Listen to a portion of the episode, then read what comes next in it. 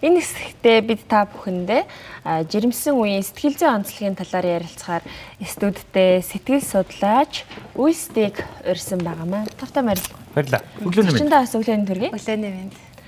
За мэдээж сэтгэл зүйн онцлог гэдээ ярихаар олон төрлөөр л яригдах байх. Гэхдээ жирэмсэн үеийн сэтгэл зүйн онцлог бол огт өөр байх болоо гэж бодож байна. Тэгэхээр яг ямар ямар байдлаар сэтгэл зүйд нь өөрчлөлт гардаг гэж үздэг юм болоо. Ерөнхийдөө жирэмсний үеиг бол гурван үеишд авч үздэг шүү дээ. Тэгээ гурван үеишдэд бол гурвууланд нь өөр байх боломжтой. А хүмүүс ингэж ойлгодог. Жирэмсний үеийн одоо хямрал гэхээр бүх хүнд одоо тохиолдох хэвээр юм шиг хүлээж аваад байдаг шүү дээ. Тэ. А гэтэл нэг зүйлийг аягуулсаа ойлгох хэрэгтэй. А жирэмсний үеийн сэтгэл зүйн өөрчлөлт, хямрал, сэтгэл гутрал гэд гурван тусдаа асуудал гэдгийг аягуулсаа ойлгох хэрэгтэй. Энэ нь юунаасаа болж байгаа гэхээр Тэгэхээр нөгөө одоо ураг тээж эхлэхэд эмэгтэй одоо гормон болох эстроген гэдэг гормон байдаг дээ тий. Тэр гормон бол нэлийн өндөр болдог хэвийн хэмжээнээсээ ингээд ирэхээр эмэгтэй хүн одоо маш мэдрэг болж эхэлдэг.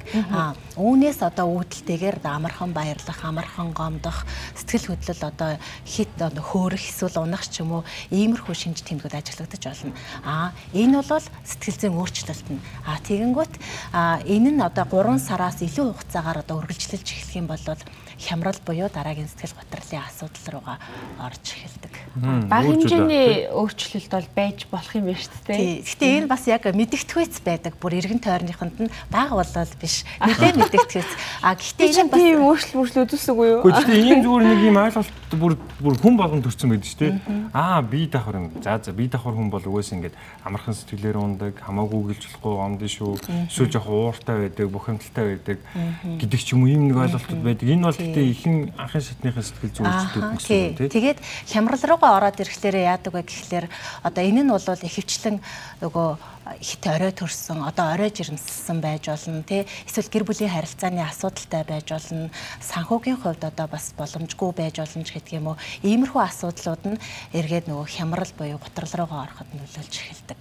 Ихэвчлэн нөгөө энэ мэдрэг байдлыг бол А хэрвээ эергээр удирдах зохицуулж чадах юм бол энэ нь харин ч бүр ашигтай. Яагаад гэвэл маш нөгөө мэдрэг болцсон учраас одоо жирэмсэн байхдаа өөрийн одоо уран бүтээлийг одоо гаргасан, гараасаа ном гаргасан ч юм уу те одоо тийм нөгөө маш олон тийм гоё нөөц боломж одоо өгнө бол өөрийгөө нээх боломж гэж яаж байна шүү дээ. Тэгвэл манай ариун нэг өвдөх юм бол ямар ч тийм сэтгэл зүйн янз бүрийн зүйл нэгэн төрөх хүнд гаргаагүй байгаа. Одоогийн байдлаар. Болог байгаа шүү дээ гэнэ. Энэ өөр одоогийн байдлаар гээд нэрээ хэлснээр энэ хэд хэдэн сардаа ингэж гарах юм бол янз бүр байх вэ? Тий тий за эхний 3 сард бол ерөнхийдөө энэ хүүхдийг нөө гаргах уу гарахгүй юу ч гэдэг юм уу тий эсвэл одоо ямар хүүхэд төрөх бол гэдэг юм уу те? Тээх үү тэхгүй юу? Би одоо тээгтээ өвдөх болооч гэдэг юм нөгөө тээлттэй холбоотой хүүхдээ төрүүлэхтэй холбоотой одоо төгшөөр замнлууд бол ихэвчлэн байдаг. Mm -hmm За тэгээд дунд одоо 3 сард бол харьцангуйгаар хүлийн зөвшөөрсөн байдаг учраас гайгүй. Тэгээд яг игээ төрөх төхөх тусам нөгөө төрөлттэй холбоотой айдас төгшөөр эргээд бас хүүхэд гарч ирэхэд нөгөө амьдралын хэв маяг маш их өөрчлөгдөн тий. Тэгэхээр нөгөө жирэмсэн үеэс эхлээл гиз томорч эхлэхэд одоо ингээд нойрны химнэл одоо хоолны химнэл гэдэг ажил төрөл гэдэг олон зүйлүүд дээр нөгөө өөрчлөлт орж эхэлдэг шүү дээ тий. Энэ нөгөө гиз томрох тусам улам ихээр мэдэгдэж эхлэхээр төрсний дараа яах вэ гэдэг юм уу иймэрхүү айдас төвшөр нь нэмэгдэж эхэлдэг. Тэгэхээр цаг хугацааны хувьд өөр өөр Над бол төрж байгаа мэд яг нөө сэтгэл судлаачаа хэлсэн чинь орж ирж байна л да. Би юунд бухим жоо бухимдалтай хандаад идэг зүйл надад ажиглагдаад байгаа. Тэр маань юу вэ гэхээр би жоо нийгмийн тал дээр илүү бухимдалтай хандаад байгаа л да.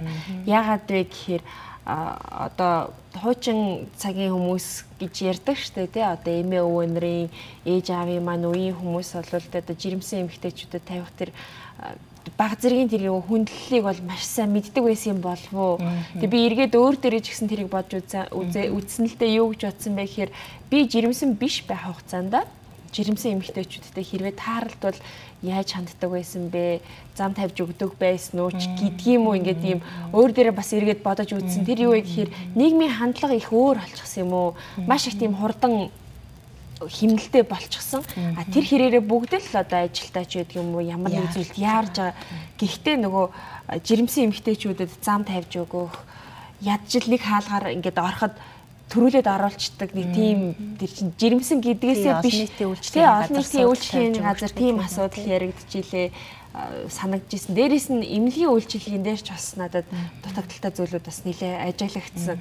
Тэгэхээр нөгөө энгийн зүгээр хэвийн үедээ ерөөсөө анзаардаггүй байсан зүйлүүдийг бие давхар болсныхаа дараа илүү их анзаардаг болчихсон. Тэрэндээ жоохон бухимдаад эмнэлэг явж ирэх болгондоо би ингээ бухимдалтай гэртээ ирдэг. Тэгээ бүр дахиж би явахгүй гэд бүр тийхгүй ээж болохгүй шүү дээ тий.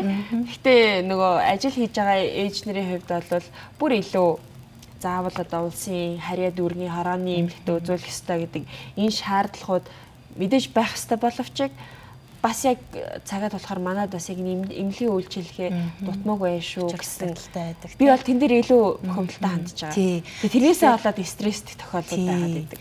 Тэгэхээр энэ дээр нөгөө шууд зөвлгөөгөр болол айгуу тийм эрүүлж бодох нь айгуу чухал л да. Одоо миний хувьд бол хоёр удаагийн жирэмслэл дээр хоёулын дээр нь тасгал хөдөлгөөн буюу жирэмсний одоо явахт явдаг байсан байхгүй юу. Тэгээд нэг удаа машин явахгүй өдөр таардаг нэг өдөр нь.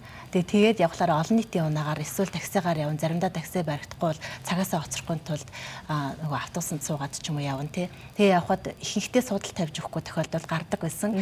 Тэгээ ихэндээ эхний нэг хоёр удаад нь ингээд хүмүүст гомдоод уйламар санагдаад тий а гэхдээ дараа дараагаас нь би өөрийгөө стресстэх юм стресстүүлэх юм бол урагт муу гэдгийг өөрөө мэдж байгаа учраас юу гэж бодсон гэхлээр би ингээд зарим хүмүүс нөгөө ургаа тэгээд нуруу нүгдөөд ч юм уу хэвтэрт байгаад ч юм уу ингээд ерөөсө босч чадахгүй те олон эрүүл мэндийн асуудалтай байдаг. А би харин ингээд зогсоод явхдаа надад ямар ч асуудалгүй байхад зөвхөн намайг жирэмсэн учраас хүндлэх ёстой гэдэг асуудлаасаа болоод би өөрийгөө стресстүүж болохгүй гэд. Тэгээд харин ч би эрүүл сарвал ингээд босоод одоо те бариулаас барай зогсоо явж гин. Миний нуруу өвдөж чинь өвдөггүй байх гээл те гэх мэдчлэн ингээд өөртөө тий. Иргэн тойронд байгаа одоо жишээ нь хамт ажиллаж байгаа хүмүүсийн хувьд ээж болно гэр бүлийнхийнх нь хүрээнд одоо яг энэ сэтгэл зүйн өөрчлөлт онцлогт нь яаж ямар хандлагаар хандаад бас тэр нөгөө эерэг тал руу чиглүүлэх гэдгийг бас нөлөө үзүүлэх хүмүүс ах гэж би хавьда боддгийн. Аа. Ер нь бол жирэмсэн эмэгтэй тэртээ тэргүй маш мэдрэг, маш их хүлээлт өндөртэй байдаг. Тэгэхээр тэр эргэн тойрны хүмүүс бол чи ингээд эерэг байх ёстой гэдэг талаар ярих нь жоохон зохимжгүй л ах л да. Тэртээ тэргүй цаанаасаа ингээд өөрийн мэдлэг маш их хүлээлттэй болчдөг байхгүй юу. Тэгэхээр эргэн тойронд нь гэр бүлийнх нь гişүүд нь ажлын хамт олон ч юм уу харин ч бүр илүү хүндэлж өгөх хэрэгтэй. Харин өөрөө одоо тухайн жирэмсэн эмэгтэй эмэгтэй маань бол сэтгэл зүйдээ айгуу сайн одоо менеж хийж чаддаг байх нь л чухал баг. Тий. За тэгвэл эргэн тойрон байгаа одоо чинь гэр бүлийн хүмүүсийн хувьд юм бол бас тодорхой хэмжээнд тийм сэтгэл зүйн бэлтгэл өөрсдөнд нь бас бий болчдөг болов гэж бодож байна. Мэдээж л ингээл яаж ч бодсон ингээл нөгөө бие давхрууник харахаар ч ингээл өөр ихгүй мэдээж нэгт хүндлэн хоёр дэх юм бол за энэ хүний чинь бас уурлуулж гондоож болохгүй шүү гэдэг ч юм юм талын бас мэдээлүүд бас бий болж байна. Ер нь гэхдээ биедээ гарч байгаа өөрчлөлтийг жирэмсэн эмэгтэй өөрөө маш зөвөр илэрхийлж хэлж явах хэрэгтэй л дээ. Өдөр болгон уруу өвддөг юм байна. А би одоо нойрны алдагдaltaд орж जैन. Тэгээ шүн заримдаа нойр хүрэхгүй болж эхэлдэг. Одоо 4 5 6 сартаагаас ч юм уу нөгөө нуруу байнга өвдөд байгаа учраас эргэж хөрвөөх дандаа нэг байрлалд хэвтэж байгаа учраас одоо биеийн чилэгч гэдэг юм уу те. Тэгээ дээрэс нь маш их эдснээсээ болоод идэх нөгөө дуршил нэмэгдснээсээ болоод биеийн жинд одоо хэд өөрчлөлт ордог. А магадгүй зарим нь хордлоготой учраас одоо юм идэж чадахгүй байдаг ч гэдэг юм уу те. Ингээд нөгөө биет гарч байгаа энэ зовиорууд чинь зүгээр энгийн байдал талаас бол тийс ондоо ахгүй юу. Тэгэхээр энэ гарч байгаа өөрчлөлтүүдээ эргэн тойрондоо зөвөр тайлбарлаад энэ дээр надад одоо ингэж туслаач ээ тий.